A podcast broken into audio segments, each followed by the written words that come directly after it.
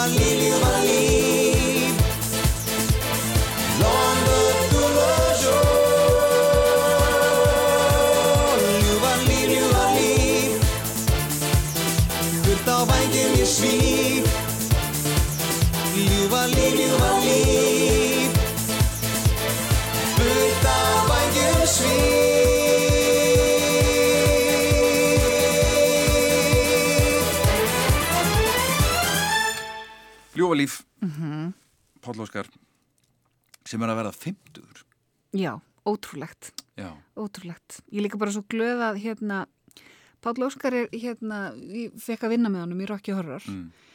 og uh, að í lang flestum tilfellum að þá er sagt eitthvað svona never meet your idols, veist, en alls ekki með Palla. Það er sko, það er bara svo mikið, mikið heiður að fá umgangast svona fagmannisku Mhm. og hérna og það var ótrúlega gaman að sjá sko Palla sem er búin að vera svo mikil stopnun, hann er svo mikil einsmannstopnun koma inn í svona allt í einu að fara að vinna með svona ógisla mörgum í einu. Það var svona, það var alls konar skemmtileg hérna, skemmtileg moment sem komið svona því hann var bara, nei ég er bara svo vanur að gera allt þetta einn, eða þú veist. og hérna og bara svona hvaðan líka bara að alast upp sko með svona gay icon þú veist að samkynneið var alltaf bara mjög sínileg, þú veist þegar maður er úlingur er náttúrulega bara ótrúlegt. Og hérna og ég bara fílaði svo mikið bara það elska allir Pál Óskar og það er svo gekja og þetta er svo frábært lag og þetta er svo hérna, þetta er svona eitt af þessum sem maður er lítið, ef ég er lítið límir þá kík ég á þetta vídeo á YouTube af því að það er bara svo ótrúlega skemmtilegt. Hann er einhverjum alveg fáranlegum topp með svona einhverja prins Valiant ermar og þetta er eitthvað alveg, þetta er bara geggjað. Bara palli. Þetta er bara palli, þetta er bara palli að byrja að vera palli og það er bara æðislegt Herru, förum í æskuna. Þú ert, þú ert alveg upp bara í þingoltanum með þengi Ég er alveg upp í þingoldanum, Já. e, fóreldrar minni kefti þrú 78 sem hafði búið ennþá í, við gerði upp. Og já, bara, Já, austó bara og ég var í Ísaksskóla reyndar og og ég er svona algjör hérna forréttinda píka uh, Og hvernig var að alast upp í miðbænum? Á þessum tíma. æðislegt, æðislegt. Miðbærin þá og núna er ekki sam... ekki sami, nei, samt mér finnst hann ekki hafa breyst neitt rosalega mikið sko. Uh, ég er náttúrulega bæði alveg upp í miðbænum og svo vann mamma mín og amma mín og allir fræn, og með mínir og allir frænk og ættbógin vann í hérna barnafantaverslun í bankastræti sem heit Bánsi og það var bara svona félagsmiðstöð fjölskyldunar sko. Það voru kannski átta konur á vakt og sex í kaffi veist, og það var bara, veist, það var þannig og Og við, aldrei neitt í kassanum. Jú, jú, jú, jú, alveg brjálaði kassanum sko uh, og líka svona, maður lærði að vinna þannig. Uh, svona fyrsta jobbið sem við tókum börnin var náttúrulega mótelstörf og öllum bæklingunum. öllum bæklingunum sem voru sendir í póstgröfu heim og, og svona, svo hérna, svo, eða svona líka sýsti mín sérstaklega, hún var sett sko í sætföt og sett út í glugga að leika sér þegar hún bara var rétt farin að setja uppi sko.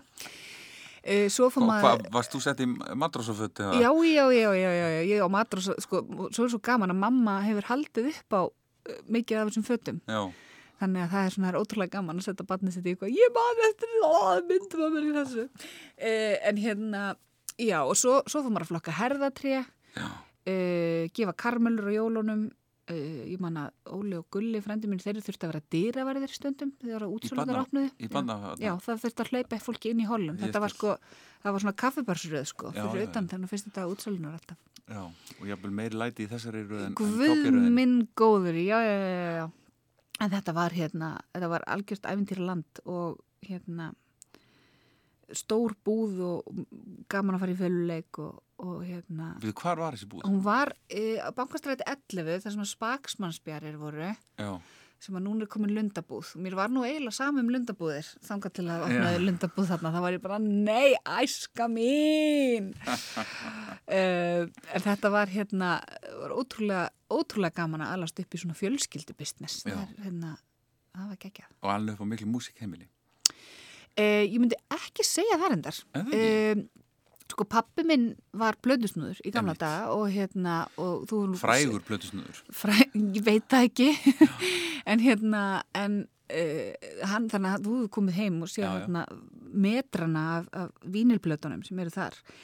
En um, ég man ekki sérstaklega til þess að við höfum verið eitthvað svona tónlistast heima, þú veist við vorum mikið að fara á tónleika.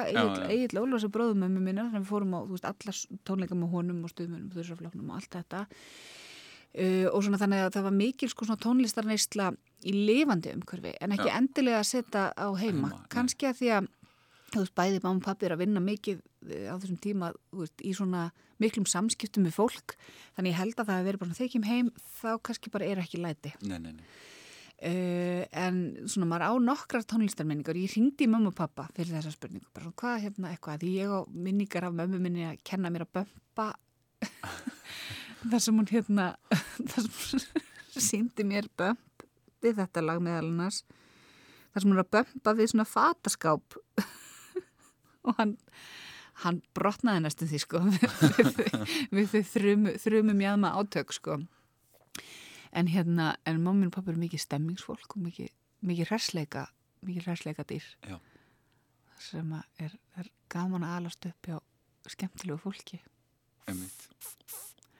Þannig Það er að- gott veganesti. það er gott veganesti og þannig að og svo svona í setni tíð þá hef ég notað þetta lag mikið í danskjænslu er mikið að taka tínu törnir hérna e, er náttúrulega sko dansa. að horfa á hana gömul vídeo að dansa í veist, 50 cm hælum Nei, sko. nei, að horfa bara ný vídeo af henni að Já, dansa í 50 cm hælum. Því að hún er sko þú veist, þegar ég er að kenna fólki að dansa og, hérna, og það er bara ég bara já, og svo ertu að gera þetta í tvo tíma og syngja á meðan, þú veist. Já.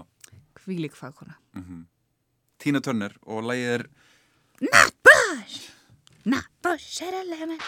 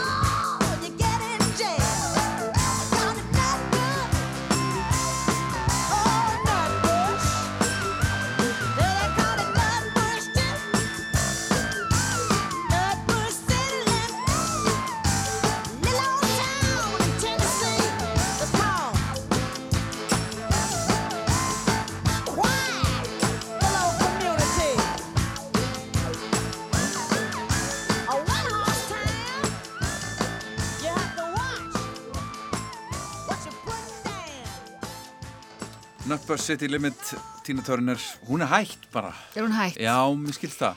Já, Hún kannski er bara bara, í Sviss, já, bara, ég er hægt, Já. komin á eftirlun. en er það Ég ekki bara þessu. gott? Jú, maður, nóga pening Ég, já, ég er alltaf glöð þegar fólk bara fyrir að hlúa sjálfu sér. já, Og kannski líka bara að því hún vildi alltaf dansa í 50 cm helum og, og vera brjálið bara. Og e að fólk eigi þá minningu um hana. Ég man, með talandi um þetta, ég man, þegar ég var til að nýbyrjaður hérna upp á rúf, þá var hérna gamall yfirmaður tæknimála að fara að hætta. Mm. Uh, ég ætla hann ekki að vera nafngreina, það skiptir ekki máli. Og hérna, og það lá svona aðeins á honum, sko, Já, að þurfa að, þú veist, að kveða þessu stofnun. já, Uh, og svo hættir hann og það er þetta hefbunda einhver blóm og ræða og kakka og eitthvað og, og hérna, svo bara allt í henni er hann ekkert í vinninu og einhver annar byrjar að, að gera það sem hann gerði. Og svo er hann svona kaffirotta hérna í smástund Mhm. og svo hættir hann og svo fara, svo er hann kemur hann alltaf sjaldnar og sjaldnar. Og hann er ekki komin núna í mörg ár. Mjög mörg ár. Mhm. en svona eitt af síðust skiptunum þá fæ ég með kaffi með honum. Og þá er hann svona líka hress. Og það er svo gaman. Og þá sagði hann við mig og ég mun aldrei glemur þessu þetta er svona setning sem að er bara þú veist, þetta er eitt af þessum svona litlu mómentum í lífinu sem að sem ég held að hafa lært eitthvað af sko. Mm. bara ég, mér finnst þetta æðislegt, ég elska þetta ég skil ekki, akkur ég var ekki löngu búin að þessu mm. ég hef það er svo mikið að gera hjá mig núna ég myndi ekki hafa neitt tíma til þess að vinna neitt já, einmitt. það er bara að lifa lífinu Já, sko, ég menna, pappi minn er hérna orðið lögild gaðamarmenni Já. og hann getur bara ekkert hjálpa með með badni, sko. Nei. það er bara nóg að Það gera er bara nóg að gera í Já, félagslífinu. já, Sem er æðislegt. já. og ég hef aldrei og, þú veist, og það, og það er að því það að vera að ræða þetta núna þú veist, það er náttúrulega hundleðild að, að, að skikka fólk, sjötugt fólk að hætta að vinna ef það vill ekki og hefur Mhm.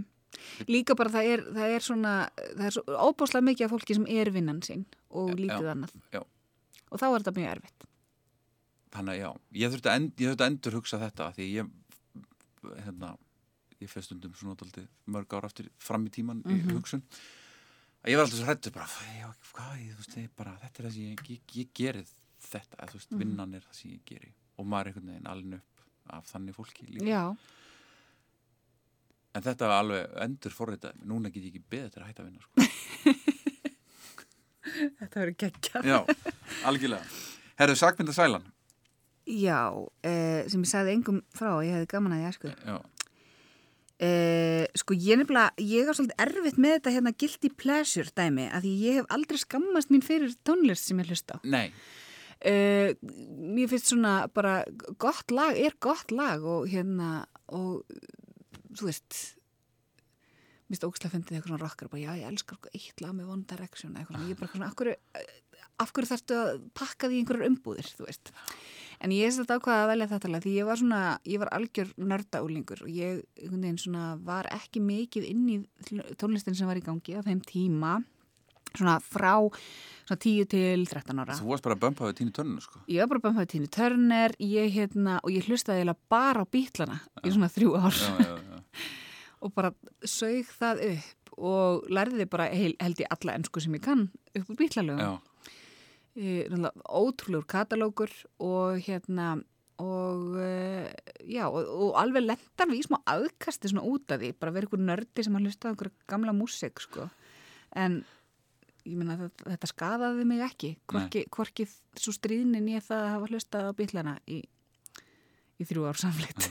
en þú ert með bíla er með bítla lag. Að því bara svona, þetta var svona það sem að kannski, maður var með svona fyrirvar á sjálfum sér eitthvað svona, ég ætla kannski ekki að segja fólki að mér finnst þetta gegja lag.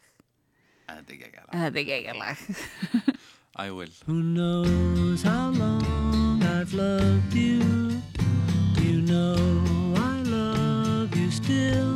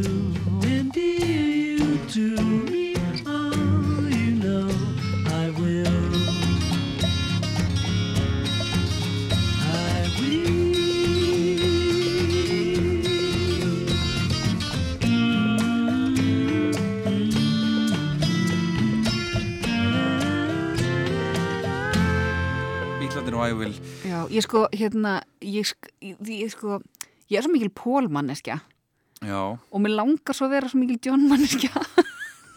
en svo kemur ljósa öll mínu uppáhaldsbítlaleg eru póllög. Ég meiri sér eignast bann 9. oktober já á ammálstegi John Lennon Já, en samt eru uppáhaldslögin mínu bítlan með pól. það er bara ekkert við því að gera sko Ó, þetta er svo erfitt. Sko, já, ég er Harrison maður sko, þannig að þú getur Já. ímyndað eitthvað til mér líð Já, ég, það er reyndar samt, þú veist. Hann- Það er ekki töff að vera pólmanneskjan. Nei, Nei. jú, Er það? æ, Já, Já, já, ok. Ég tók svona sóló hérna eh, ég mæli með því að fara í sko 80s og 90s sóló Paul McCartney Já, já. það já, eru svo er- týndaplötur Já, og það eru svo miklar perlur já, ég þarf að fara í það. það Það er er algjör hlýja, Næsta máli dagskrá. mikil hlýja Það voru Paul McCartney dansnámskeið í Kramhúsinu.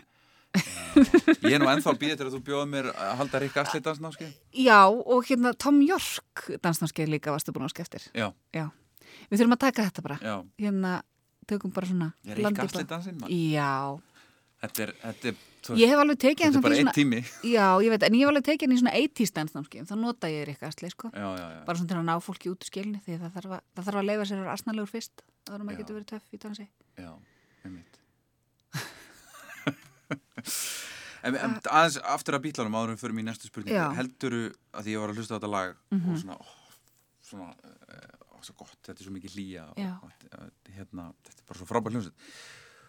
En hún er orðin það er orðið ansi langt síðan að þeir voru uppi. Það er búið Já, að gera alltaf mik já, mikið af músík síðan að, að þeir voru. sko, ég, ég held, þú sért að fara að koma með pælinguna, hérna, hvað eru að fara að spila bílana lengi, hvenar hætta það að Já. skipta máli sko, og, og, þú veist, ekki það að ég vilja að þeir hætta nei, en veist, þetta er bara að fara að verða svolítið klassík, sko.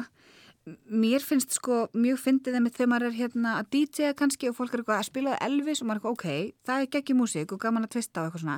Svo er maður bara, eru DJ-ar eftir 50 ár að fara að spila Ég það ekki. Elvis? ég veit það ekki veist og og hérna þannig að ég, já, þeir ég veit það ekki. Svo, svo, það er ennþá verið að spila Mozart og Bach skilur já, en það er bara ekki ann, það er bara allt annað dæmi sko. það er allt annað dæmi. Þú ert ekki, að- þú ert ekki að tjúta við Mozart já, talaði fyrir. sjálfa þig kona. Já, talaði fyrir sjálf uh, en þú veist, já ég, og svo líka bara spurningin þú veist, hvaða, þú veist, hvaða hljónstir tikki í þessi bóks, þú veist, sem eru svona? Það hefur ekki komið svona hljónstir kannski lengi? Nei og mun aldrei sko. Nei. Já, það eru samt alveg nokkur hljónstir sem eru þarna, þú veist, Queen til dæmis, sem ég fílar endar alls ekki, mm Eh, Radiohead. Radiohead, já, uh, ég held að Radiohead sé svona síðasta kannski hljónstin sem er svona, svona katalógs hljómsveit, Mhm. getur verið sko. Ég veit ekki, það eru öruglega Í einhver hlusta núna sem er sem er bara, nei, hljómsveitin mín er, ah! og það er gott og þannig á það að vera. Þetta er smekkur, ekki skoðun eða, eða staðrind sko. Áttindi áratugurinn, sjöan. Já.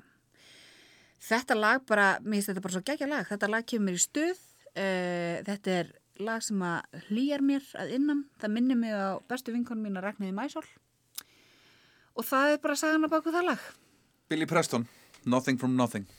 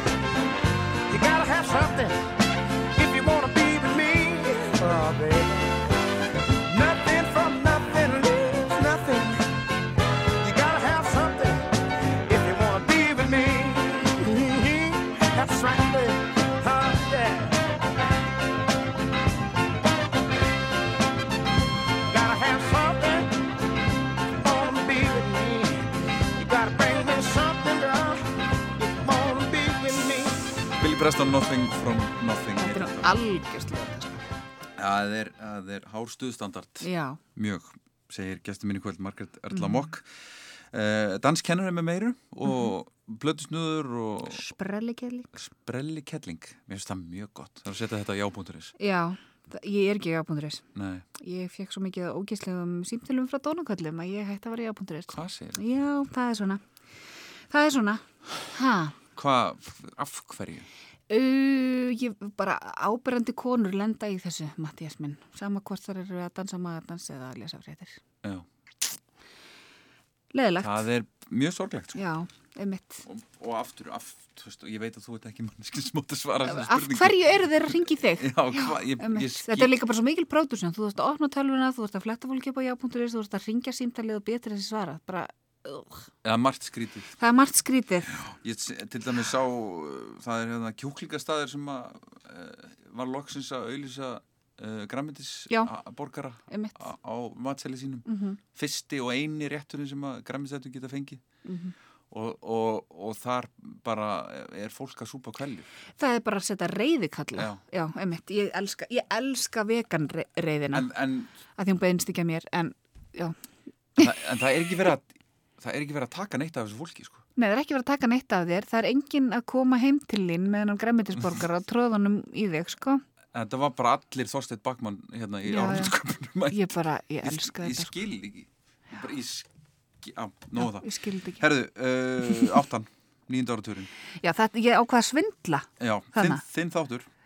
Uh, að því að mér finnst þetta að vera eitíslag Já, uh, þó að það hefði komið út 1979 skulum láta það slæta. látið það slæta Já. segjum þetta kannski, kannski komið út, út fyrir jólun þá er það bara mjög nálægt að, að, Já. eða eitthvað, ég veit það ekki Nei. mér finnst þetta bara vera eitt besta íslenska lag sem komið hefur út Já, uh, þetta er bara hérna góður húkur geggjaði dúet. og geggjaður dúett og sannar sem að ég held að sé bara algild sannindi að góð diskolög hafa sorglegan texta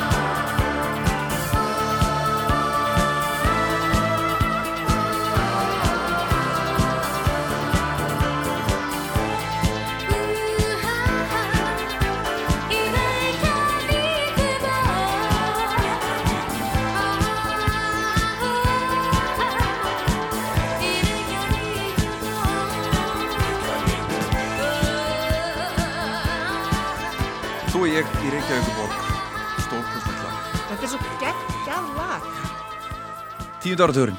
Tíundarartöðurinn. Uh, ég hérna, ég er aftur með Íslandslag. Uh, því að hérna, Enzimi er svo geggjað hljómsett. Já, þessi plata, Frábær plata. Og líka svona, þetta er svona, ég man að hérna, í, hennum stórkostlega Facebook, Facebook-hóp þrjumur í þokunni. Það er alltaf hérna, gerð svona helgar challenge sem er mjög skemmtileg. Það er komið með eitthvað svona Helga Þrumann. Helgarþrumann heitir það og, og, hérna, og núnum helgina er þemað kvikmyndatónlist út af Bíopartís og svo er, svo er bara svona like-keppni Já. og svo sá sem að vinnur like-keppna hann fara að velja næstu helgarþrömu og einhvern tíman var helgarþrumann hérna, íslensk lög sem að ef að þau hefðu komið út í stærra, sa- í stærri, hérna, á stærri markaði væri þetta heim frá hljómsett og við minnir að þetta lag hafi unnið þar Já, já, já. skiljanlega. Því að þetta lag er bara, þetta er hérna þetta er, þetta er annað svona tímahylki bara, þetta er hérna ótrúlega gróska í, í, í, í tó, íslenski tónlist á þessum tíma. Ef til vill að þau voru svo margir tónleikastaðir, ég veit það ekki. Eh, en hérna já, og ég er svo glöð að hafa líka náð að sjá enn sem er live. Já. Þeir eru ennþá að, sko. Já, nei, ég, og bara vera hérna, þú veist, Mhm. ég, ég kannski sé ekki fram á að komast kannski á tónleika með þeim í bráð, því ég er alltaf að vinna á föstuðum og lögutum. Eh, en að hafa séð þá, þú veist, í svona litlu setting og bara þetta. Og svo, og, svo, og svo þegar maður kynnist þeim, þú veist, ég, ég kynntist þeim nokkrum í, í gegnum störmin hér á rásinni og svona, og fleiri, og í gegnum fleiri verkefni. Þetta er allt svo góðir gæjar. Það er svo gott líka góðir gæjar að spila góða músík. Já. Atari, ensými.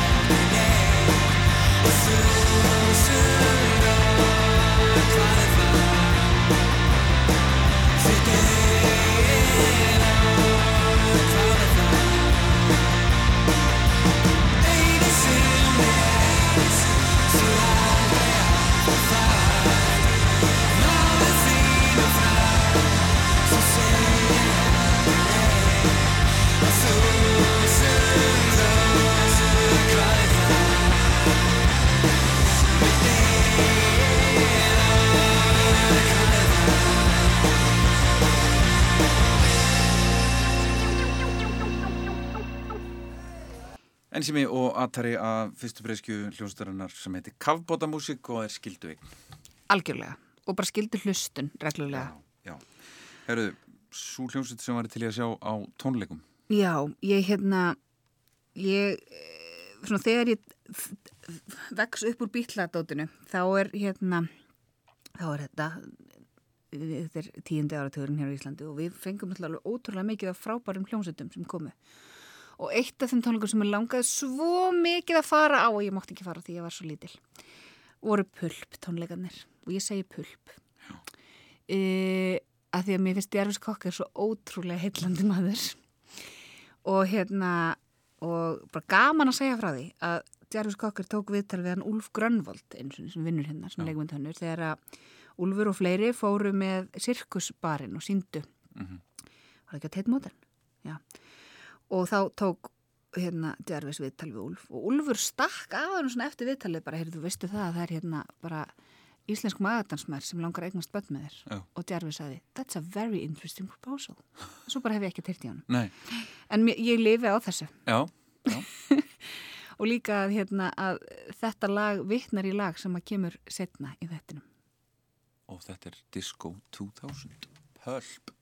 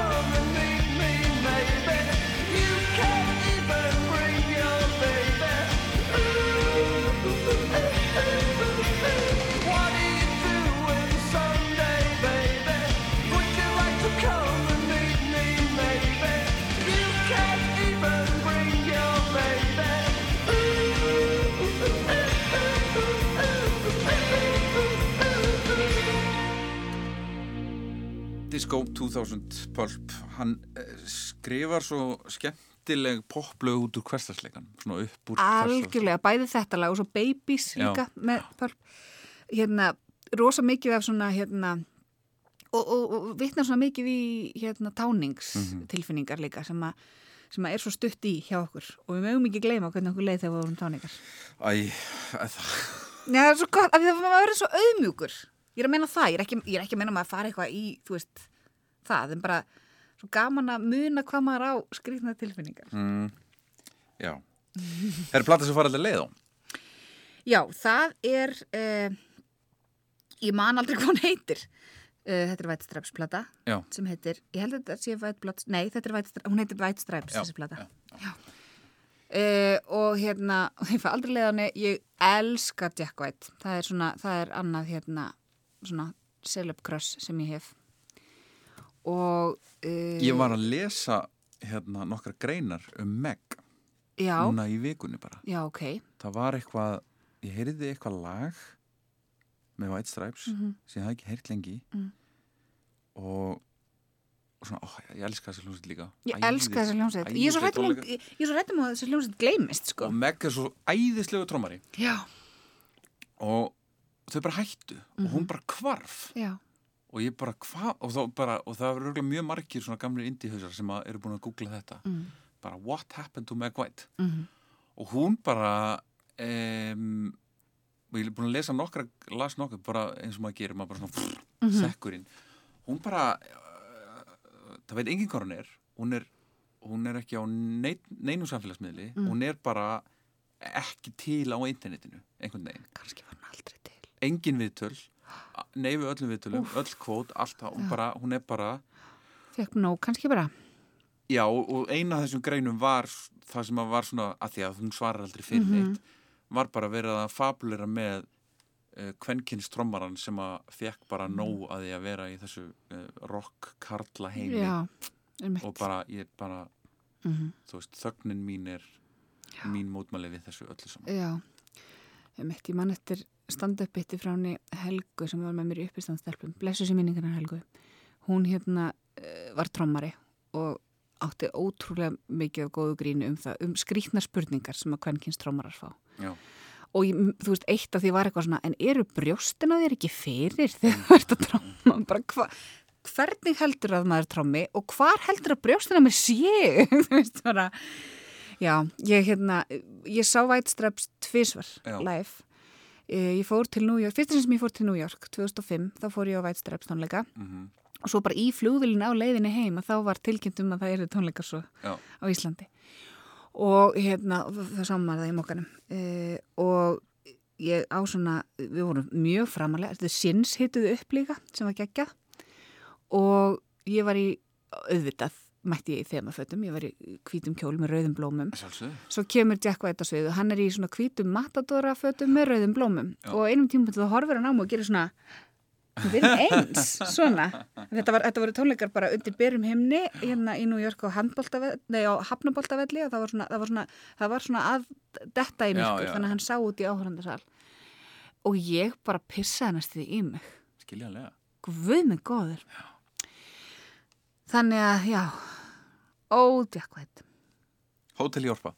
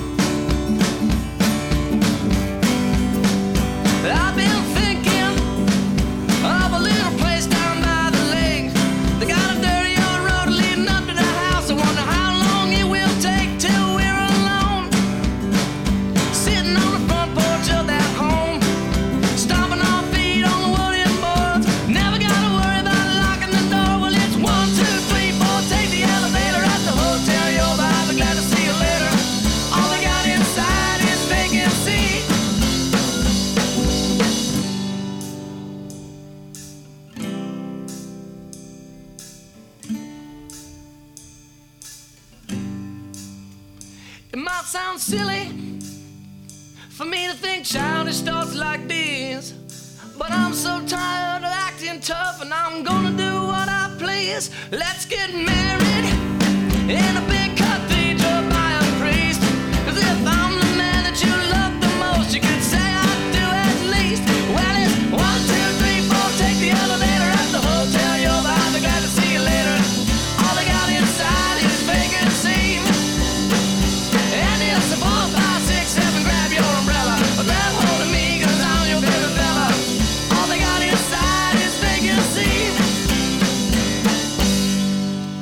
White Stripes og Hótel Jórpa Já, við vorum að tala um það hérna meðan að lagi spilaðist hvað var talað um að hún var slæmur trommari en þarna í þessu lagi kemur mjög bersinin ljós hvað hennar trommuleikur er ótrúlega stór hluti af stemmingunni í þessari hljómsveit Já, og bara á öllum blöðunum sko og bara, já, Já. frábær. Herru, fyrsta plata sem hún giftið þér Fyrsta plata sem ég kipti mér, uh, sko ég ætla ekki að taka býtla blöður aftur þannig ég ætla aftur að svindla því þetta er minn þáttur. Já. Uh, þetta er svona fyrsta sam, samtíma tónlistin sem ég kaupi mér var frábær hérna sapplata sem heit Ávextir. Já Og þar er þetta lag, það er líka hérna Bömpaði Baby Einmitt. með fjallkonunni og svona, og þetta er ótrúlega skemmtileg plata sem ég sett reglulega á og er svona, og einmitt frábær vitni um hvað var skemmtilegt að gerast í tónlistinni hérna. Það er auðvitað vissulega skemmtilegt að gerast ennþá, ég bara er í algjöru nostalgíu í þessum þetta. Og hérna, sagan segir að þetta lag hafi lengi vel hér í eh, útsendingakerfinu okkar verið skráð á Dr. Gunna. Já. En þetta er náttúrulega gamalt Móróter lag sem Donna Sömmer syngur og hann fekk mjög lengi stefgjöldin fyrir það sko. Segir sann Segir sagan, en hérna svo var það, svo er það rétt mert, skilst mér, núna. þetta er líka svona gargaði bílnum hérna lag og ég sé fyrir mér í hérna, hann, hann segir á einum stað hérna, ég vil ekki kjafta neitt við neitt, ég ringi að panta pítsu fyrir einn. Og ég sá fyrir mér svona mann í ástasorg sem ringir að panta pítsu og svo sagt, nei við sendum ekki heim undir 2000 krónum þannig að ástasorgin verður dýpri og dýpri og hann er þetta aðleitn í ástasorg og svangur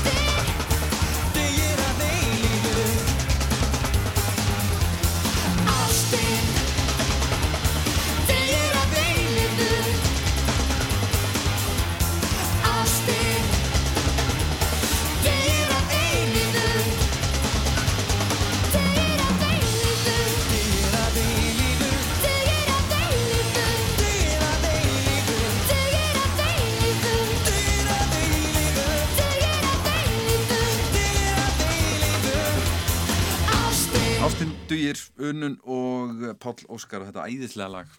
Æðislegt stuðlag. Já, nú er það... Ég, sko, ég spila þetta stundum þegar að DJ svona á ásatíðum og í brúðkomum og svona því að oft byður fólk um þetta lag og það er alltaf einhver sem er svona þetta er leiðilegt lag, hvað er lag þetta, er engin hvað lag þetta er og það er fólk, vil bara segja að það má fokka sér á staðaðeginu vali Já, þetta er sama fólk að segja spila eitthvað skemmtilegt. Já, þetta er geggja lag Þetta er geggja lag. Páll Óskar og Unun. Mhm. uh, nú er það kvikmyndatónlistin. Já uh, Þetta er, Er þessi, fyrir ekki ég grípi fram í fyrir, ég var aðeins að dundra þessi spurninga áður og ferða á stað. eh, Hérna. Er dansin sem að fylgir þessu lagi, Mhm. er þetta eitt frægasti uh, dans kvikmyndasöðunars? Já. Í dag? Já. Er það ekki? þú veist, hann, hann tók við bara af, þú veist, hérna Fred Astaire Já. og þú veist, svoleiði sko fræðstundinspekundasögunar en, en sko málið er að þau dansa ekki við þetta lag í myndinni Nei, ég veit að en það, Þau það dansa við, dansa við hérna There was a teenage Já, já, já. wedding en, já, en fólk byrja samt að taka tvist eh, rútínuna þegar maður spila þetta lag Já.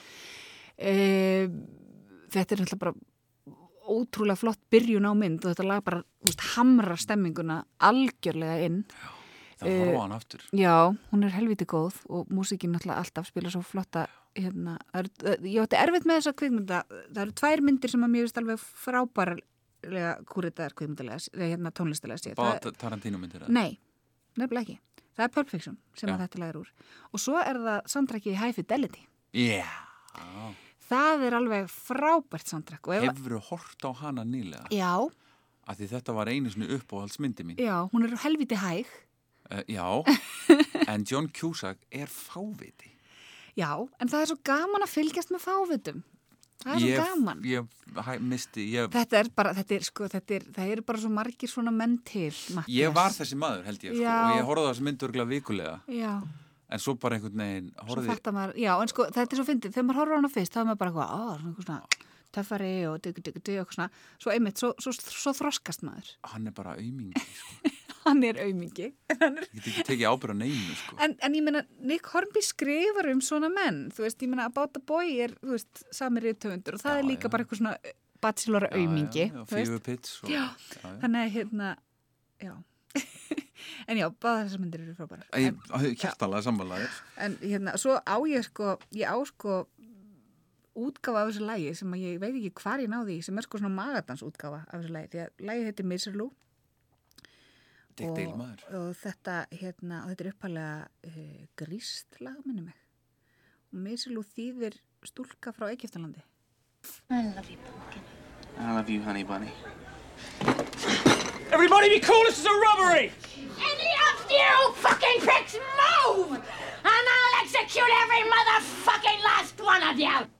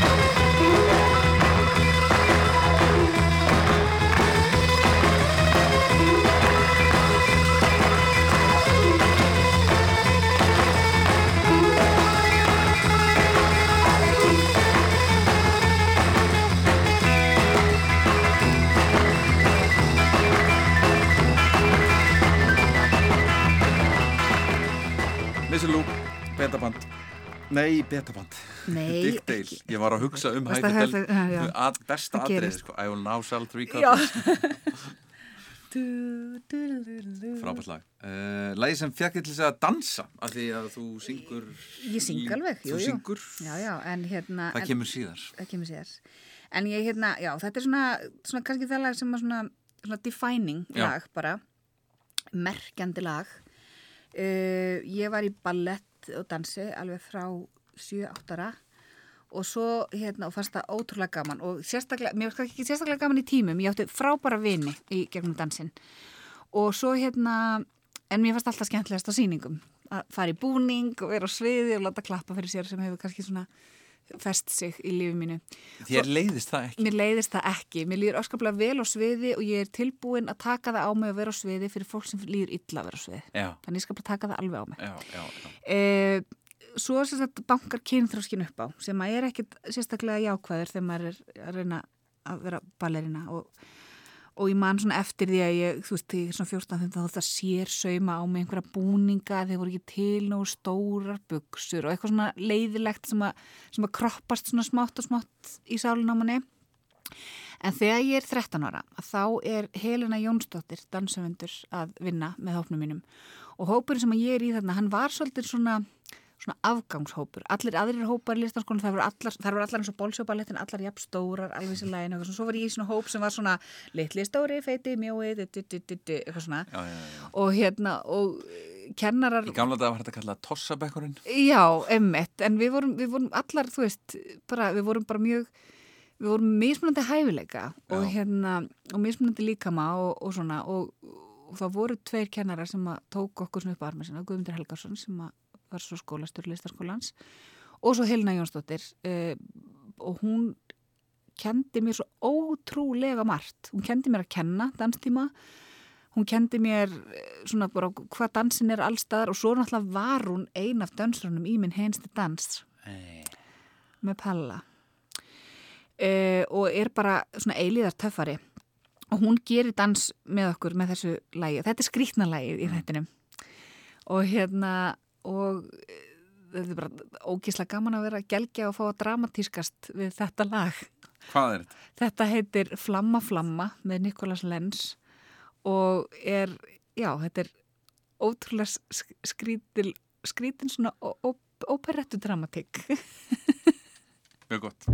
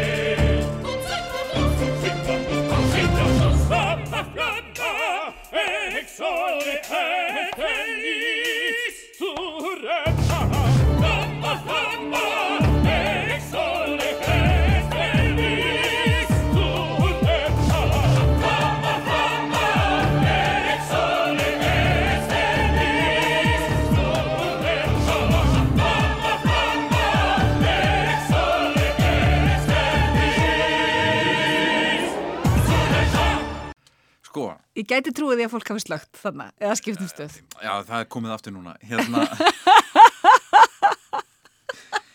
þetta, þetta, er- þetta er skrítið. Þetta er ógeðslega skrítið lag. Þetta, þetta gæti hafa verið sko framlag Úkrænu í Eurovision 97. Já, já, já, já, já, en þetta er bara, ég, ég veit ekki um hennar mann, Nei, Nikolas Lenn sem að gera þessa blötu þarna.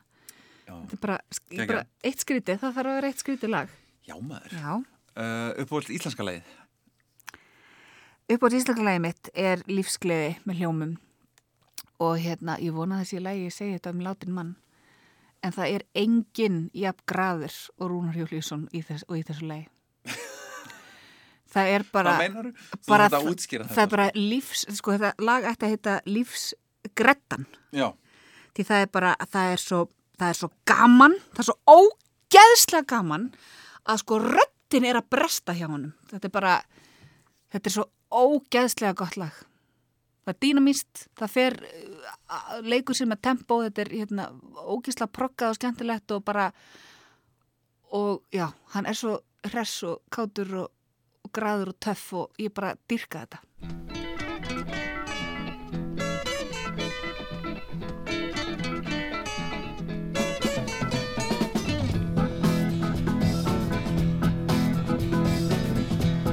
Ég sigli um sjá, þótt ég slái mér ljá, þó að allt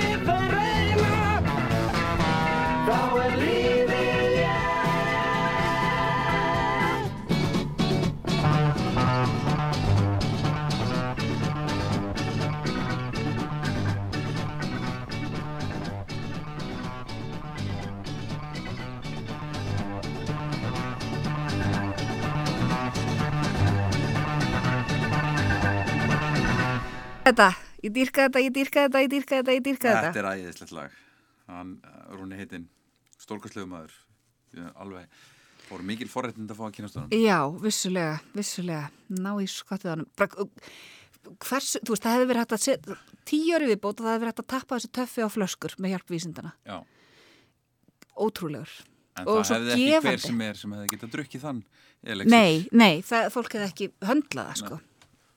Já, og bara gefandi einstaklingur. Mjög. Heru, nú er það karaoke í sportið. Já, og ég íþrótt, sko. elska karaoke. Ég elska, karaoke er svo mikið líkil að svo mörgu í mínu lífi. Eh, ég flytt til New York 2007 í gegnum karaoke-vini minna sem ég hefði kynst í ferðinni þegar ég fór að sjá White Stripes og ramba ég inn á karaoke bar og eignast, eignaðist þar vini fyrir lífstíð og hérna, og svo sumarið eftir það var ég að jafna mig á einhverju svona ástarsorg, neð tveimur sumurum eftir það var ég að jafna mig á ástarsorg og hérna, Eh, og flytt til New York. Ég held að ég hafi hitt, talandi um random hluti, Já. ég held að ég hafi hitt eitthvað að þessu fólki Þú hittir Floyd! á einhverjum bar í Austin í Texas. Já, einmitt, einmitt, hérna, býttu, hvernig var þetta aftur? Ég var bara á einhverjum bar. Floyd er svo hann er svona karaoke höng og hérna tekur alltaf Elvis og svona og er hérna fluttir svo til Texas og einhver tíman þá þú ferð á South by Southwest Já, að gera einslæðum Kaljó. já, og ferð á einhvern bar og hann, fer, hann er að vinna Já. spjalla við þig og þekkir þú kannski margir til vinkunum mína já. bara já, ég voru að vinna með henni í úslamörg ár Já, það var bara, uh, það var bara komið kvöld. Já. Uh, ég var búinn að sjá þetta Kaljó-gig Mhm. og einhverju fleiri tónleika og ég var svona ekki alltaf svona, aðeins að, Mhm. að ráfa um þessa aðeinslegu borg og, og og hittir Floyd. finna einhvern skemmtilegan bar sem að var stórkastlegu bar. já, Og ég ætla, að bara að setjast, mér finnst svo gaman oft þegar ég er svona einn útlöndum bara að fara á einhvern svona og setja bara einn og trýtaði mig ekki vel. Jú, mjög, Já, og ég fæ mér bara eitt bjór og, svona, og er í svona mannfræði bara að horfa á fólk. Mhm. og, bara, og svo fer ég bara heim og svo. Um, sem og ég gerði. Nema, ég, men, ég man ekki hvernig eitthvað, hvort að hann vatt sér upp á mér. Já. Eitthvað, ljósara með bláu hann er örgla frá Íslandi.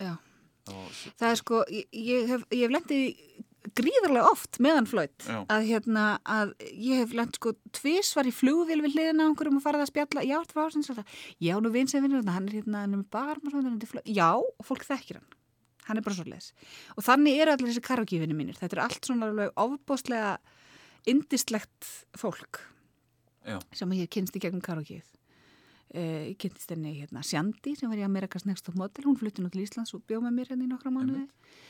Uh, og, og já og þetta bara karaoke er svo frábært. Og ég skil ekki ég vil bara koma, koma því frá ég skil ekki hérna herbergja karaoke.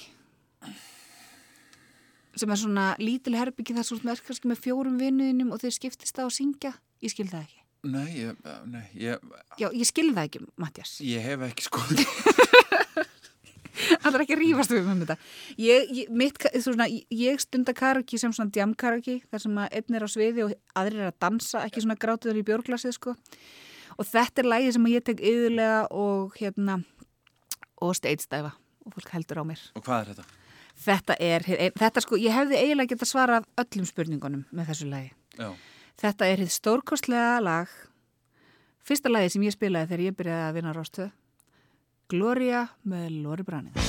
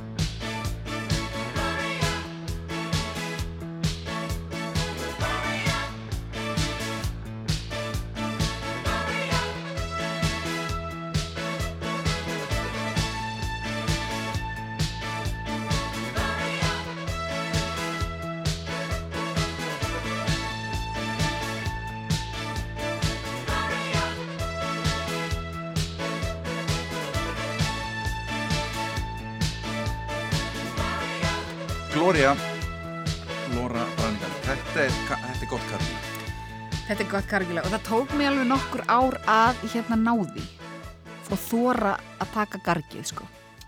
já, já, já en þú veist ég hef alveg heyrti í karaoke einhvern tímann Mm. um, en yfirleitt er ástandi á manni orðið einhvern veginn að Já, ég ætla bara að minna þig á það að ég er bara mjög góð í karaoke. ég, ég veit, Já, ég. Ég ætla að segja eitthvað svo, ég bara man ekki hvort þú ert góð í karaoke. nei, ég veit þú ert góð í karaoke Já. það er engum blöðum um Takk, það að fletta Mattias. en Já. að vera En. góður í karaoke Já. og að geta sungið Mhm. er algjörlega Alls ekki það sama. Uh, einmitt, og þetta er, þetta er sko það sem að ég og Ragnhildur Mæsól, vinkonum minn, erum hérna ofta að hósta karaoke Mhm. og svona. Og það er svo fyndið, sko, fólki sem kemur og segir, sko, ég ætla, að taka þetta lag því ég bara syngd að lag mjög vel og svo tekur það bara póka hóndaslægið. og maður er eitthvað, ok, taktu póka hóndaslægið, ef þú ert með lauf í póka og vindvél, skilur það. gerðu það þá, þannig. já. En þú veist, þegar fólk er að taka, þú veist, sjö mínútna löng lög, af því að það er svo gott að syngja karaoke, sko, þú ert alltaf að vera lag sem fólk þekkir og er rest og fólk getur sungið með á gólfinu, sko. Já. Uh, og svo, svo er líka gott, það eru nokkur lög sem eru sérstaklega góð í karaoke af því þau eru með, sko, það sem þú getur alveg svona slætað í gegnum þau á þess að þurfa að vera eitthvað rosa range eins og Torn með Natalia Imbruglia það er lag sem margir þekkja og er svona guilty pleasure. Og það, þú þarft ekki að vera rosa góðu söngari til að taka það. Mjög til dæmis uh, I Need You Tonight með NXS er annað svona lag. Já. uh, og bara ef að fólk vil karaoke bara, ég sko ég vakna ofta á nóttinu þar sem fólk er eitthvað, ég er á karaoke barina hvaða lag á ég taka? Og ég bara, þú átt að taka dig, dig, dig. þannig að ég er með svona ráðgjáfa þjónustu Það eru ferðalögin ferðarlegin, já, ég hérna uh, ég, í setni tíð hef ég fengið svona smá heimþrá þegar ég er að ferðast, þó ég sé að gera ykkur frábæra hluti. Og þá set ég stuðmenn sko. Já, þá, þá tengi ég bara strax inn í Hljómsveit allra Ísland landsmanna. já, og hérna bæði náttúrulega að því að þetta er það fjörskilduböndin og e, Egil er bróður móður minnar og e, svona, svona, stuðmanna og það er náttúrulega stuðmanna plötur var oft svona hopp upp einhverjar fjölskylduminningar í gegnum svoleiðis. E, og þetta er þetta lag er frá því stuðmenn kölluðu sér strax og fóru til Kína. Og ef fólk vil sjá fyndnasta músikvídeó í heimi þá er fínt að googla þetta lag af því að það er sko, þau eru ábyggisli á sviði og svo eru klift inn mynd af kínumenskum áhörundu sem eru að trillast en það er aldrei, það er ekkert skot þar sem sést að þessir áhörundur eru að horfa á þessa hljómsveit. Skilur hvað ég meina? Þannig að maður er eitthvað svona hmm, ok, já, einmitt. Voru svona margir sem mættu, eða þú veist ekki það ég efist um, um það að stuðmenn hafi sleiði í gegn. En ég elska stuðmenn og hérna, og nákvæmlega eins og ég lærði ennsku með bíklanum í sínum tíma, þá átti ég nú einu svona breskan kærasta sem reyndi að læra íslensku og notaði stuðmannulegin til þess. En þetta lag er sungið á ennsku hins var. Look Me in the Eye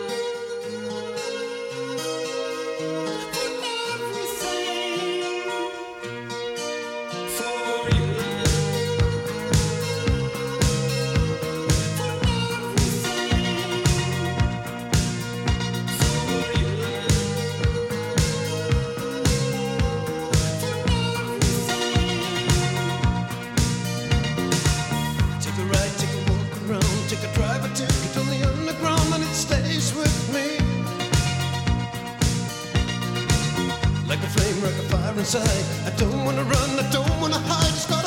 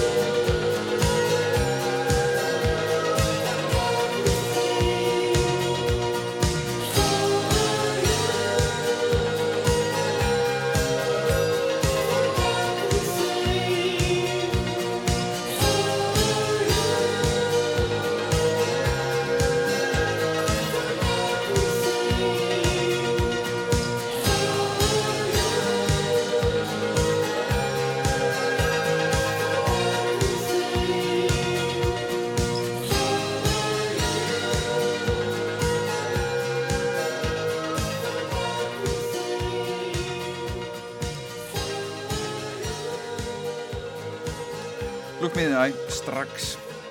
Stórkostlegt lag.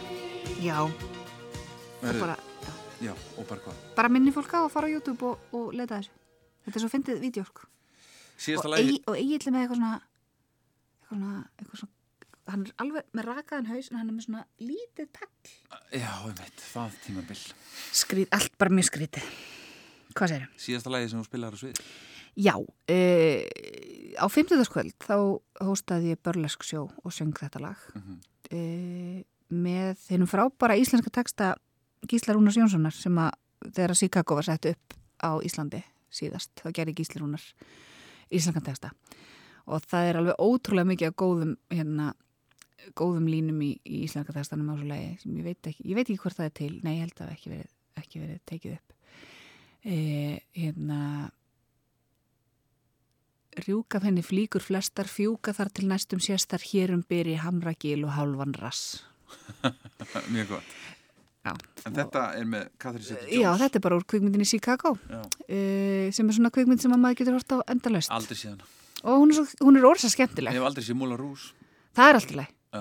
Það er alltaf leið. Ok. En horfðu á Chicago. Því að Chicago er sko byggð á sonnum atbyrðum. Það var, hérna, það var, það var kona sem að, sem að drapa elskuða sinn og, og hérna, og kynntist annari konu í sjópis sem hafi líka drefið einhvern. Það eru urðu duett. Já, Þannig að þetta Ok. er hérna, þetta er svona byggt lauslega á sannum atbyrðum. Chicago Katrín Setta Come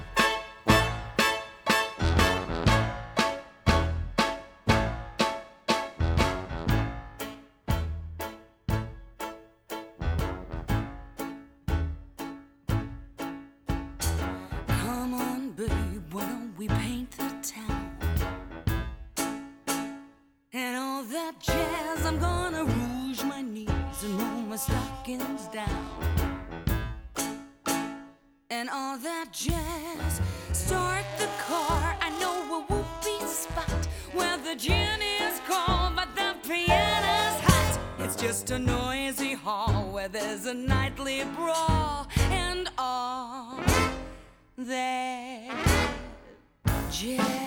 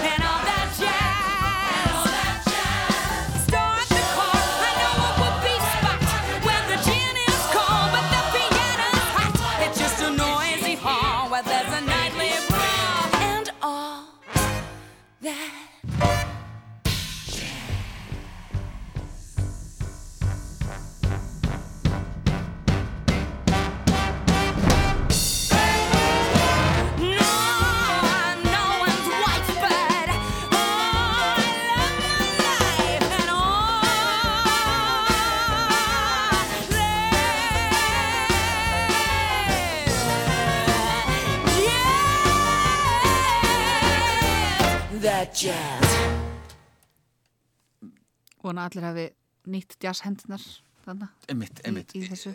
Þetta, þetta er í börlesk sjónu. Þú ert með Karogi og Já, Magadans já, og ég nota þetta stundum í sjóm. já. Beyoncé dans og Já. alls konar. Eh, Hérna, eh, börlesk. Mhm. Útskýrðu börlesk. Börlesk. Börlesk eru uh, síningar með stuttum skemmtiðatriðum þar sem að ódýr húmor og stundum nekt koma við sögu. Já, Uh, þannig er oft blanda líka uh, tónlistaratriðum, svona kabaretatriðum, sirkusatriðum, uh, sæ, svona ógeði sirkusatriðum líka. Þetta bara svona fullorðins síningar. Margir muna eftir þekkja Susan Baðarsik til dæmis já. hún er börlesk listakona og þetta eru sem sagt, já meiri hlutum þeim sem koma svona sýningar eru konur sem maður finnst bara geggjað að horfa aðrar konur eh, fagna líkama sínum þetta er leikhús, það eru þetta bannað að strippa Það er banna. já. Já. þannig við leipilum okkur sem leikhús við erum feminist leikhús um, þetta er bara svona skemmtun og grín og rugl og vittleysa það er svo Mhm. gaman, að, gaman að gera vittleysu og En er, eh, er ádela í börlesk? Já, það er mikil ádela í burlesk. Til dæmis á síningunni sem var hérna á fymtaskvöldi, þar var hérna bæði ádela á líkamsræktaræði, Mm það var ádela á hérna, eh, þessast, svona, það var svona nei því nei atriði líka. Og svo náttúrulega er bara, það er pólitíst og ádela í því að, að sína alls konar kvennlíkama því að við erum svolítið föst í því og bæði með kallmannslíkama og kvennlíkama það sé svona eitt líkami sem má. -hmm. En eins og í börleskinu það eru bæði konur á öllum aldri, alls konar í læginu um, og þú veist, Jacqueline Boxvingar mín, hún er til dæmis börlestansmar í hjólastól. Mhm. Uh, en sko ég myndi líka segja bara að það er rosalega hressandi að sjá líkama og nekt í samhenginu, þetta er sterkur líkami, þetta er, þú veist, líka bara nekt sem fyndin því við erum oft búin að setja hana á okkur svona stall þar sem að þarf alltaf að vera svo óbúslega sexy og það er svo gaman að sjá bara einlegt grín holdlegt, grótast grín er bara, það er, það er bara mjög mannlegt að hafa gaman að því og hérna, en svo líka að vefja þetta þessum glamúr og það sem að mér finnst skemmtilegast þess að við að kenna börlesk að það er flestar konur sem mæti þá tíma þær eru alls ekkert á leiðinni á svið, þær eru bara langar að finna til sín og finna þokkar sinn og eru kannski að fara í gegnum erfitt break-up og, og, og eitthvað svona Já.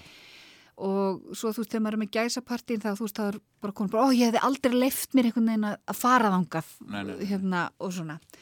Og það, það eru stórkostlegi lögadagar þegar maður stendur fyrir framann hópa 15 konum með brjóstadúska og er að kenna þeim að hoppa á brjóstanum og svo bara, nei, þú ert með svona brjóst, þú ættir að hoppa þeim svona og eitthvað svona. Það, er, það er ótrúlega gefandi starf. E, það spurja margir svona hvort að við lendum ekki í dónaköllum þeir editera sig oft sjálfur það er, ef þú setur bara nógu, ef þú setur verðmið á hluti þá halda þessi fjár, fjarrri Uh, og svo líka, við höfum lendið í að fólk hefur komið Eru hérna dónakallar sér nýskir? Já, þeir eru mjög nýskir Nei, við lendum minni sniði til þess að koma til svona hérna. Svo sáu þeir bara haf af konum sitt í áhörundasalunum og þeir bökkuðu. Þeir sáu bara að þetta var alls ekki alls ekki ekki mig. Nei En hérna, en börlesk senan á Íslandi er ótrúlega skemmtileg. Það er líka út af þessum svona, þessu sem að kannski hún er alveg underground og hún á að vera það. Já, þú veist, eins og, eins og dragsena og, og punksena og svona þetta, þú vilt ekki að það sé hérna þú, þú vilt ekki gera þetta fyrir 2000 manns skilur, það, Nei, vilt þá hafa missir það sjálf. já, þetta þarf að vera ákveðin nálægð og þetta þarf að vera svona hvernig fréttið þú þessari sýningu, svona svolítið þannig Með mitt. Eins og, hérna, hefur þú hort á hérna, Marvelous Mrs. Maple? Hérna, Já, einmitt. meiðsli, segi. Nú, hún tansi vinkona mín, hún er börleska konan hérna í upphafi og allir börleskansandir í því eru hérna náttúrulega og Að það er svona sama svona, Já, þetta er, uppistand já, svona, einmitt, uppistandið er þar, já, það er líka, já, gaman að segja því, að svona staðurinn sem ég er fasta skemmtikraftur á í New York, Slipperum, leikur mér stórt hlutverk í Marvelous Mrs. Já. Maisel, það er hérna klúburinn sem hún fer á og, hérna, og bombar og er í fílu þarna, flotti, flotti retroklúburinn. Það er, það, það er svið sem ég hef staðið á, ítrekað.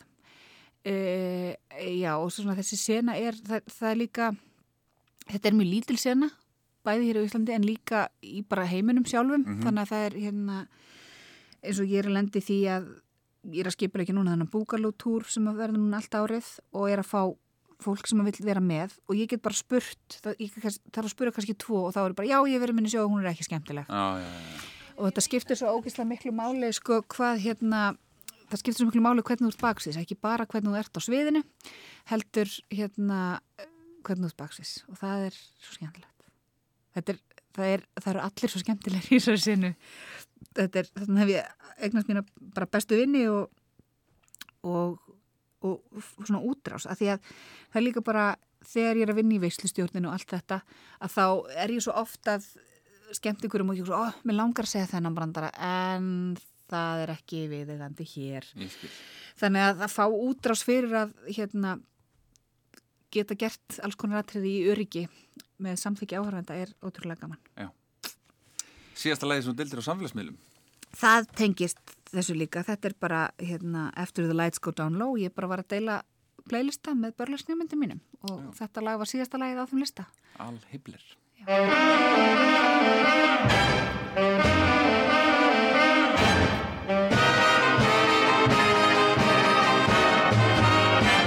After the lights go down low,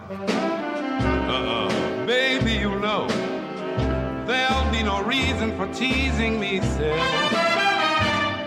And when the dancing is through, and folks will be few, I'll be here sitting with no one but you.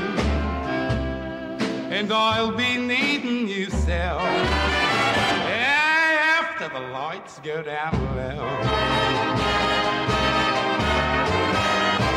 I wanna hold you, squeeze you as tight as I can. I'd like to kiss you and please you and make you understand. And when you thrill me, you fill me with love so divine. Together we can have a good time. When the lights go down low, uh-uh, baby, you know.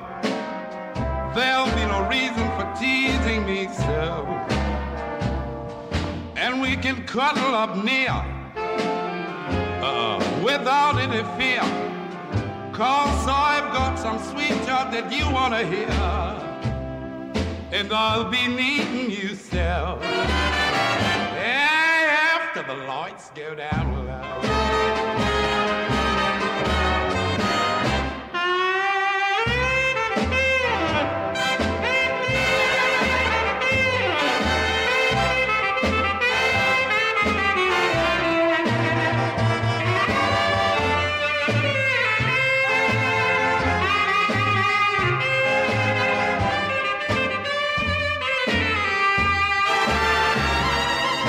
and I'll be needing you so after the lights go down low. And I'll be needing you so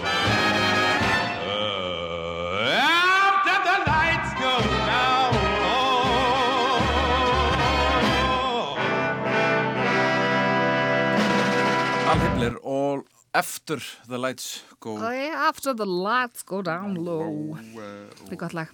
Já, þetta er aðeinslega lag.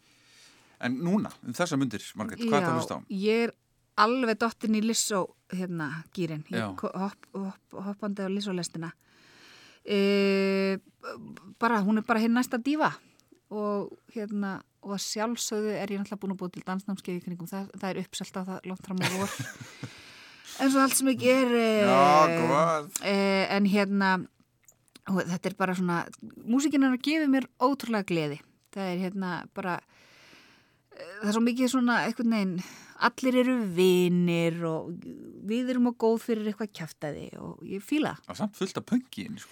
Ógislega mikið punk af því að það er svo mikið bara svona þú veist, hættum þessu kjaftaði og höfum bara gaman Já. Og svo líka bara, það er eiginlega stærsta pöngið er náttúrulega það að vera sáttur í einn skinni. Það er mesta fokki út af kapitalisman. Já, Juice, Lizzo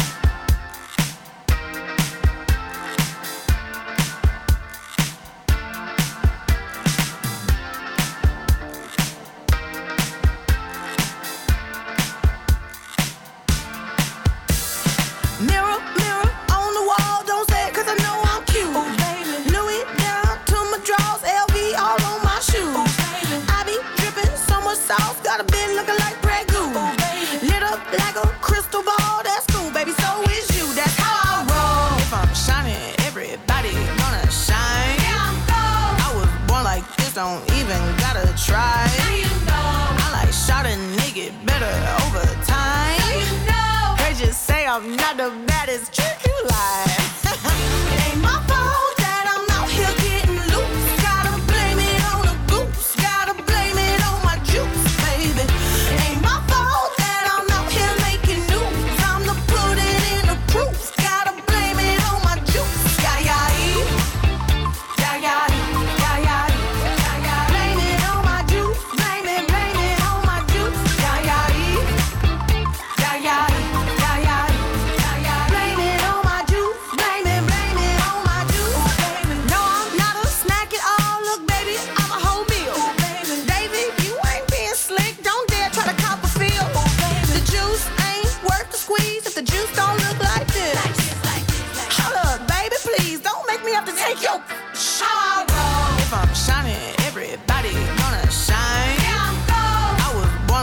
don't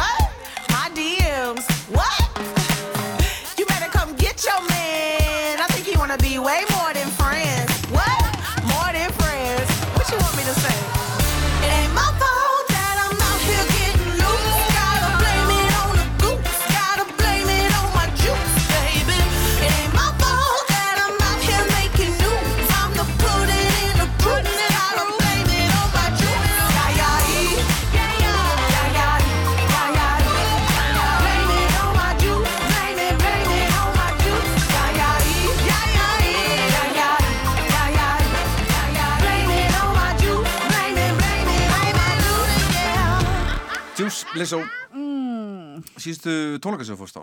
Já, ég er náttúrulega búin að vera í hérna hýðinu, ba ba barnegnar vertíðar hýðinu, þannig að það er mjög langt sem henni að fara tónleika. Og líka bara því ég er alltaf að vinna þegar að, það eru skemmtilegi tónleikar, það er, það er leiðilega við þetta, ég get aldrei séð vinni mín að gera snild. nei.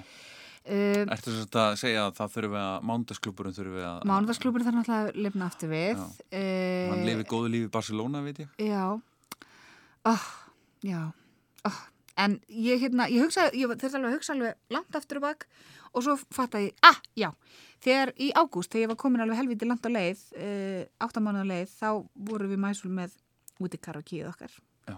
Og ég ætla bara að segja að það hefur verið síðustu, það var síðustu tónlistaflutningur sem ég var upp, upplöði og það, við eigum hérna nokkra svona fastakona og þar, þeirra á meðal er kona sem, að, sem að getur tekið þetta lag fullkomlega. Þetta er eitt af þessum lögum sem er mjög erfitt að taka í karaoke. Í- já, Hún er líka með, hún er með sko svona hafmeyju hár og við erum náttúrulega með vindvilar Já, líka. einmitt. Þannig að, hérna, þetta þannig að þetta er, þetta er stórkostlegt lag og hérna, þetta, ég líka bara elska Kate Bush. Ég er svona ný, nýfarn að kveikja á henni fyrir utan þetta lag, veist, önnur lög með henni og bæði bara ótrúlegu listamæður og svo flott hvernig, hún, hún, hún líka bara langt á undan sinni samtíð með bara svona sjónræna markasetningu finnst mér eða svona bara, sjó, ekki svona markasetningu bara sjónræn, sjónræna upplifun af því sem hún er að gera og það sem er líka gaman að það er haldið reglulega í Berlín að það er haldið svona risa Wuthering Heights hópdans þar sem að fólk mætir í rauðum kjólum og hermur eftir myndbandinu. Það er eitthvað sem ég langar að gera einhvern tíman að fara, fara á það. Bara Arnar, eða bara gera þetta hérna heima Eða bara gera þetta hérna heima, það Arnar væri helviti gott. já.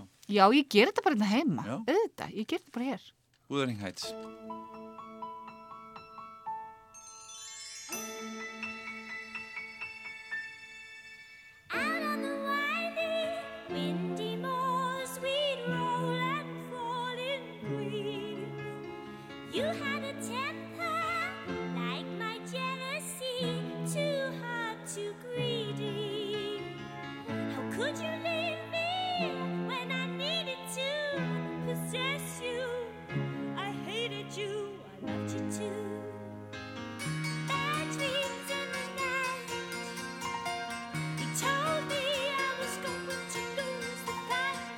Yippee-hi, my waterproof.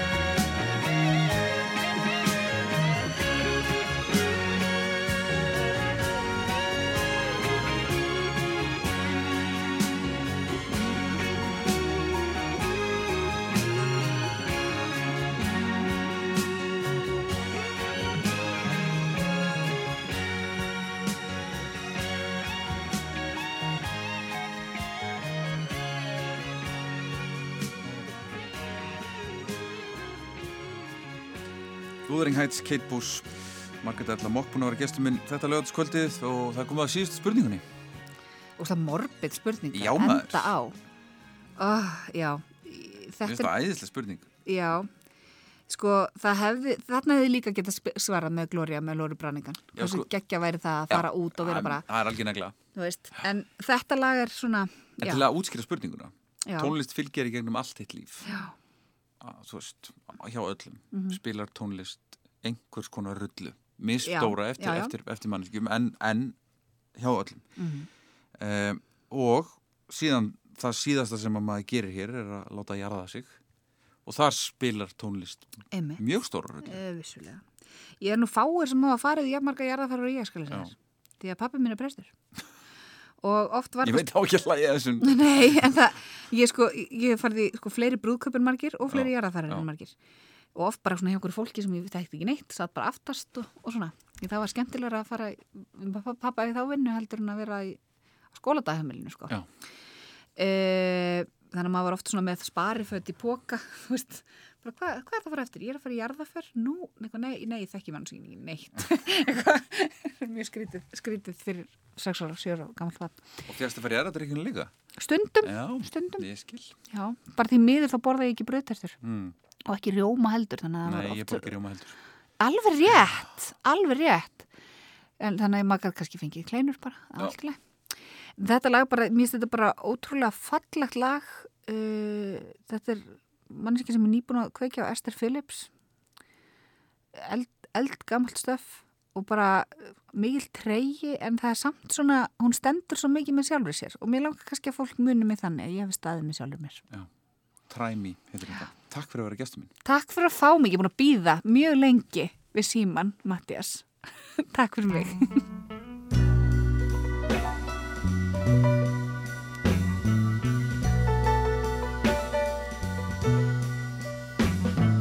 If you